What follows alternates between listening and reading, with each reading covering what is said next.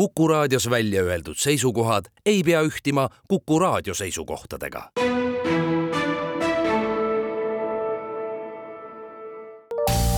terviseks. Saadet toetab Lääne-Tallinna Keskhaigla, vaata ka keskhaigla.ee tere, head Kuku kuulajad, eetris on saade Terviseks ja me räägime täna jõuluärevusest. mina olen Ingela Virkus ja koos minuga on stuudios Lääne-Tallinna Keskhaigla psühhiaatriakeskuse juhataja Ants Kask, tere! tere! No nii kui detsember algab, mõne jaoks tuleb see juba isegi varem, aga sellise esimese lume ja tulukestega õues tuleb selline mõnus jõulutunne sisse, aga samas mitte kõigi jaoks, sest on inimesi, kel tuleb veeta pühad üksi. näete te oma töös ka seda, et jõulude lähenedes teatud inimestesse selline üksildustunne kasvab? no veidi ikka jah, selle, selle kohta aeg-ajalt äh, küsitakse, et noh, pigem on see üksildustundest äh, rääkimine siiski äh, nagu ebatavaline äh, psühhiaatriliste patsientide seas. et äh, on küll üks selline hindamisinstrument, mida me kasutame, emotsionaalse enesetunde küsimustik ja seal üks küsimus äh, puudutabki seda üksildustunnet. aga valdav enamus inimestest siiski ennast ei ole kunagi üksildasena tundnud, et need uuringud, mis on tehtud näiteks Inglismaal et need, seal on kuskil kuuskümmend viis protsenti inimestest on vastanud, et äh, nad pole ennast kunagi üksildasena tundnud. Äh, kuskil üks kolmandik ütles, et nad tunnevad ennast üksildasena vahel ja ainult viis protsenti siis äh, vastasid, et see on sageli ja, ja, ja ka kaks protsenti, et kogu aeg. et see seitsmeprotsendine number muidu iseenesest langeb kokku ka sellise depressiooni levimusega, et umbes nii palju võikski siis olla tegelikult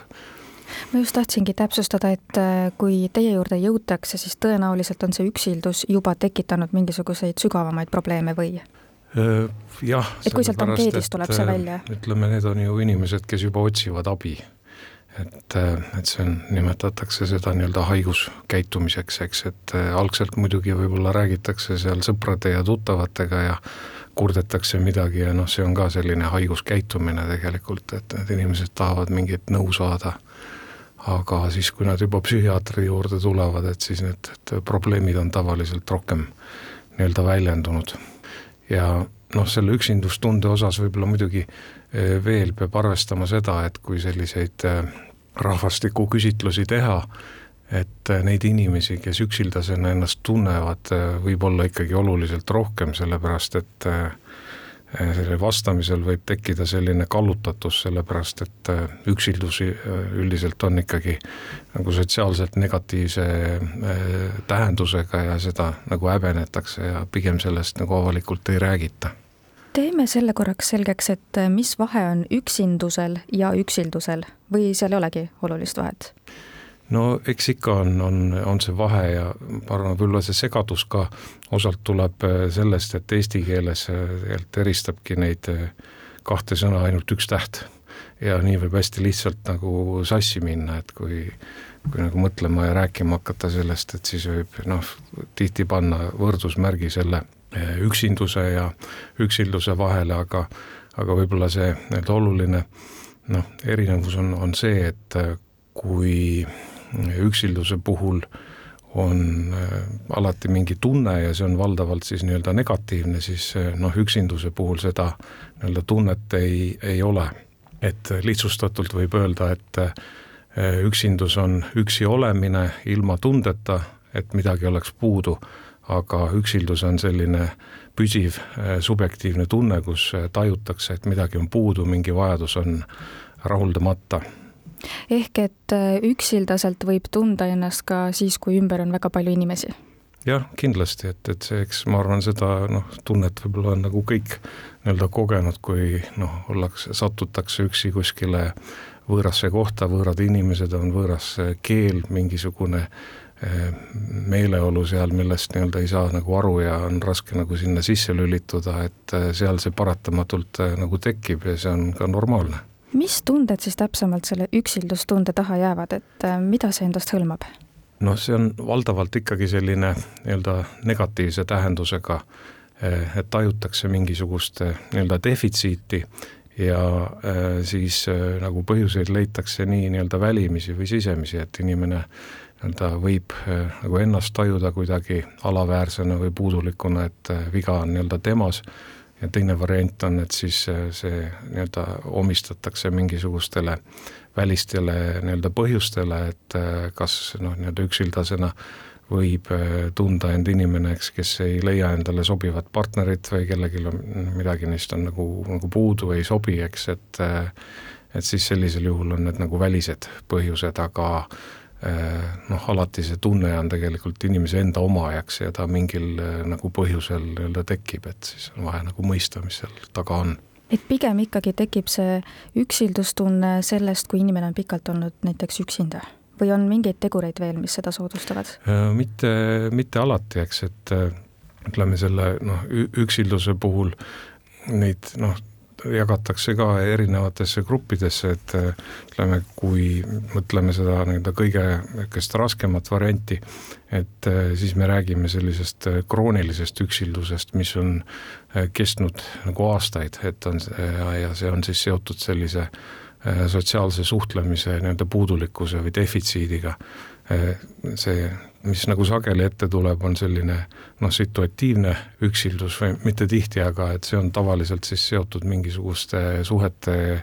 lõppemisega või mingi, mingi nii-öelda kaotusega, eks, et äh, kui abikaasa sureb ära või, või, või minnakse lahku.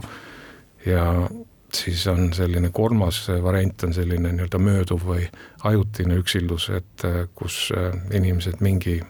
mingil hetkel ennast ikkagi tunnevad. Äh, üksikuna ja see toob siis kaasa sellise nii-öelda lühiajalise ja, ja mööduva üksildustunde, et need on kõik nagu nii-öelda erineva intensiivsusega ja tähendusega inimese jaoks kes need inimesed ennekõike on, kellel on suurem soodumus üksildustunde tekkeks, et on need näiteks üksi elavad pensionärid või? ei, see ilmselt ei ole ainult nagu pensionärid, et võib-olla see ongi see koht, kus seda üksindust ja üksildust on lihtne nii-öelda nagu sassi ajada. et äh, selline üksi elamine, see ei tähenda tingimata, et äh, inimene tunneb ennast äh, üksildasena või on selline emotsionaalne üksildus ja noh, see vahe võib-olla nagu tulebki nii-öelda sellest, et kuidas inimene tajub seda, et mis, mis on tema nii-öelda reaalne olukord ja mis on tema nii-öelda soovid et äh, väga palju on äh, neid inimesi, kes äh, elavad üksinda ja nad ei koge seda nii-öelda üksildustunnet või et nad on kuidagi nii-öelda leppinud, nende nii-öelda vajadused on nagu rahuldatud. ja noh, näiteks kui selliseid uuringuid on tehtud, et vanemaealisi tõesti noh, peetakse nagu sagedamini üksildust kogevaks, aga see ka noh, nii-öelda sõltub, äh, kuidas seda nii-öelda on nagu küsitud või et äh, kui selliseid uuringuid tehakse, siis noh, kõige sagedamini seal äh, küsitakse ikkagi, et noh, kas te tunnete puudust mingisugustest seltsilistest või kas te tunnete ennast kõrvalejäetuna või kas te tunnete, et olete teistest inimestest nagu eraldatud ja, ja noh, see väga nagu sõltub just sellest hetkest, eks, et kui, millal seda nii-öelda inimesel nagu küsitakse ja need Eestis, mis uuringud on tehtud, et ma hiljuti vaatasin ka ühte, professor eh, Sisask Tallinna Ülikoolist on vanurite seas seda üksildust uurinud ja Eestis tõesti tuli nagu välja see, et eh, üle üheksakümne aastate seas üle poole siis ikkagi tunnevad ennast eh, üksildasena, et võib-olla Eestis seda üksildust isegi on nagu rohkem ja noh, sotsioloogid ka tegelikult on ju nii-öelda täheldanud, et mis nagu kaasaja ühiskonnas toimub, ongi selline sotsiaalse sidususe nagu kadumine, et äh, suheldakse omavahel ja, ja, ja see on muidugi raske inimestele. me jätkame oma vestlust juba homme kell neliteist nelikümmend viis. terviseks saadet toetab Lääne-Tallinna Keskhaigla, vaata ka keskhaigla.ee